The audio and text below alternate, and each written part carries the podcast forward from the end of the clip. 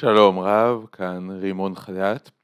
הסרטון הזה יהיה הסרטון השני שבו אני מדבר על מדד תשומות הבנייה. אנחנו עכשיו בסוף 2021 אוטוטו, כאשר המדד השנה עלה בצורה משמעותית ויצר אצל המון אנשים המון המון מתח בגלל התוספת לתשלום שהם חווים בעקבות המדד. עשיתי כבר סרטון אחד שבו הראיתי שהחשש מהמדד הוא לאו דווקא מוצדק, או יותר נכון הוא אולי מוצדק, אבל הרצון להקדים את התשלום כדי להימנע מהמדד עלול לגרום לנו לנזק כלכלי יותר גדול מאשר המדד עצמו. אני ממליץ לראות את אותו סרטון. ובסרטון הזה מה שאני רוצה לעשות זה להראות איך בכלל לחשב את המדד או את התשלומים שאנחנו נצטרך לשלם בגלל המדד.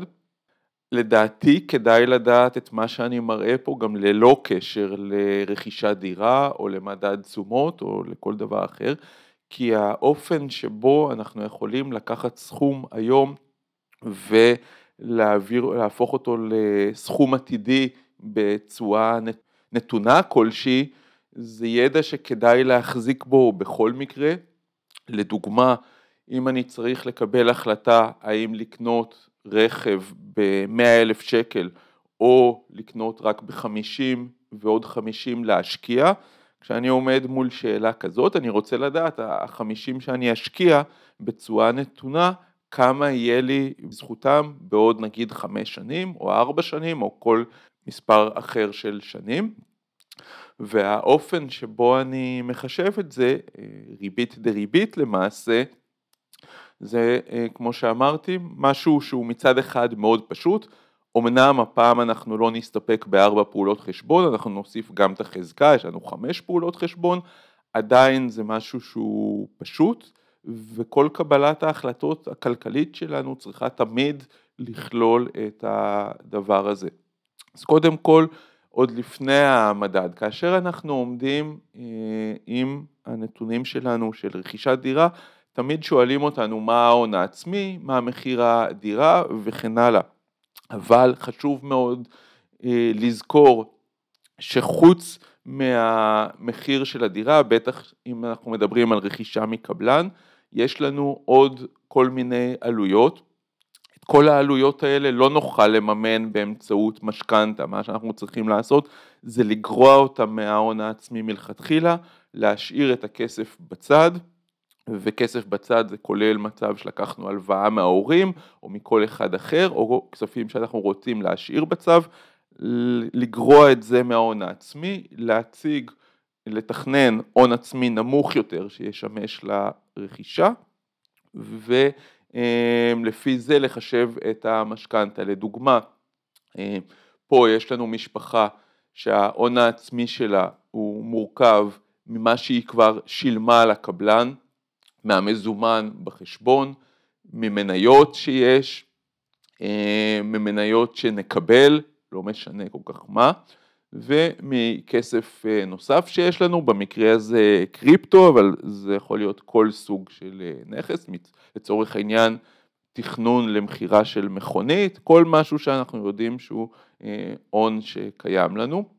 הגענו לסך הכל מיליון מאה תשעים, זה כמובן לא ההון שאנחנו נשקיע בדירה על אותו עיקרון שאמרנו קודם. קודם כל אם יש חלק שהחלטנו לא להשתמש בו בעסקה, אז אנחנו נכתוב אותו בתור עלויות כי אנחנו רוצים להוריד אותו מההון העצמי, אז למה בכלל לכתוב אותו בהון העצמי? כי אם אני לא כותב משהו אני עלול לשכוח אותו, אם אני כותב פעם אחת בתוך ההון ופעם אחת בעלויות שלי, אז אני יודע שזה כבר בצד, אני לא שוכח את זה. עלויות כניסה לדירה, מיזוג, כל מיני דברים, אמ, אני מכניס פה, אם היה לי מס רכישה זה עוד שורה, ואפשר גם את ההצמדות להכניס בתור עוד שורה, כמובן שבשביל זה צריך לחשב את ההצמדות, עוד מעט נגיע. כלומר ההון שאיתו אני אלך לעסקה זה לא יהיה מיליון מאה תשעים, זה יהיה אה, תשע מאות תשעים פחות או יותר, אה, ואת כל השאר אני אכסה באמצעות משכנתה. בתוך העסקה עצמה קיבלנו מהקבלן איזשהו אה, לוח תשלומים, כמו שאמרנו קודם, 942 כבר שולם, ויש לנו פה אה, לוח ב-18 לחמישי 22 סכום נוסף, ועוד אה, סכומים לאורך כל הדרך עד ה-31 לאוגוסט 23 שבו תהיה המסירה בעוד אה, שנתיים לפי התיאור הזה. הפכתי פה את התאריכים לחודשים. ועכשיו האתגר שלנו הוא לדעת איך לעשות את ההצמדה. כמובן שהסכום שאנחנו נחשב פה הוא סכום משוער, כל דבר שאנחנו עושים לגבי העתיד הוא תמיד משוער. אני חישבתי לפני, לפי מדד של שלושה אחוז בשנה, כמובן שאם אנחנו מחשבים לפי מדד מסוים אז אחר כך אפשר לעשות, אה, לשנות את האחוזים וכל החישוב ישתנה וכשאתם מבינים את העיקרון אז כל אחד יכול לעשות את זה בעצמו.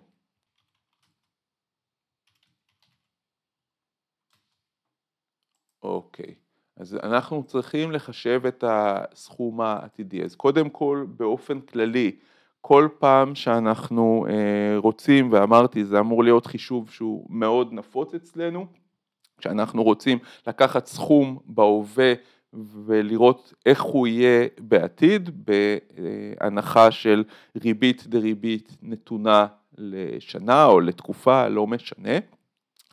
מה שצריך לקחת זה את אותו סכום ולכפול אותו באחד ועוד אה, הריבית שאנחנו מדברים או התשואה או המדד, זה לא משנה. במקרה הזה 1.03, כלומר 1 ועוד 3 אחוז. אם זה 3 אחוז בשנה ואנחנו רוצים אה, לפי חודשים, כי יש לנו פה אה, שנים לא עגולות, אז נהפוך את זה לחודשים, אז יהיה שלושה אחוז חלקי 12, זה בקירוב מספיק טוב לנו. כל זה בחזקת מספר החודשים שעליהם אנחנו מדברים. אז בואו נעשה את החישוב. הסכום שאנחנו צריכים כפול בסוגריים 1 ועוד שלושה אחוז במקרה הזה, אני בכוונה משתמש במשתנה כדי שנוכל אחר כך לשנות אותו, חלקי 12, כיוון שהאחוז הוא לשנה ואנחנו רוצים לעשות לפי חודשים, וכל זה בחזקת מספר החודשים שאנחנו אה, אה, עליו ממדדים את הסכום.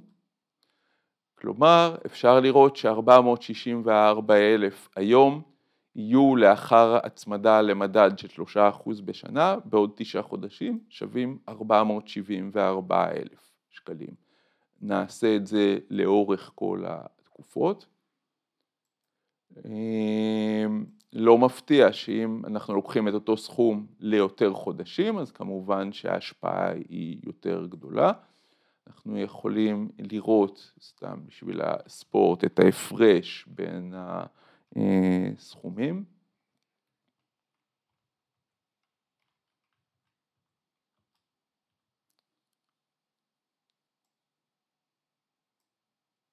אוקיי, אז ממש אפשר לראות על אותו סכום, בשלושה הראשונים זה אותו סכום, איך אנחנו לאט לאט עולים בהשפעה של המדד, כאשר אם נסכום את כל העמודה הזאת, אז אנחנו נראה שההשפעה הכוללת של המדד היא 60 אלף שקלים.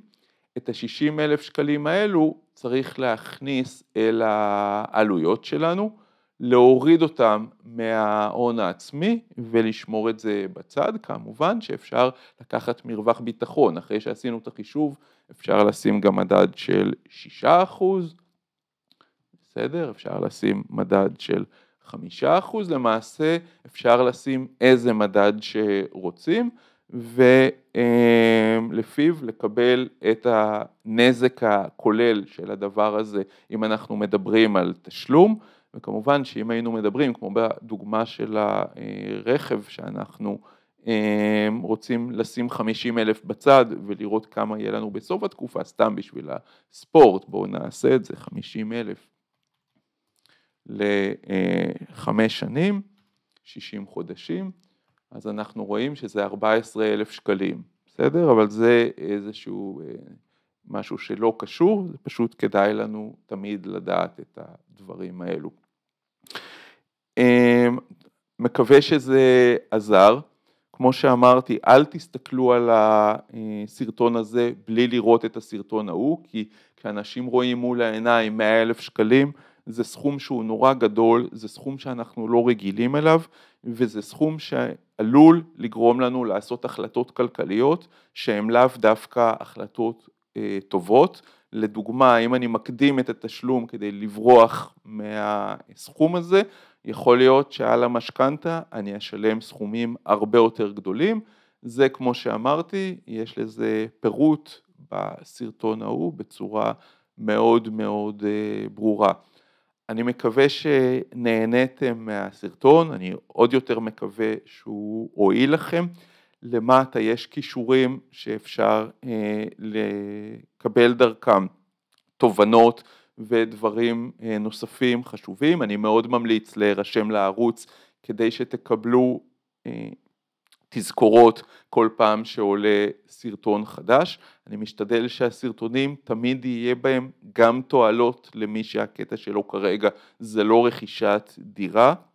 אני חושב שעל הפלטפורמה של רכישת דירה אפשר ללמוד איך לעשות החלטות כלכליות בהמון תחומים.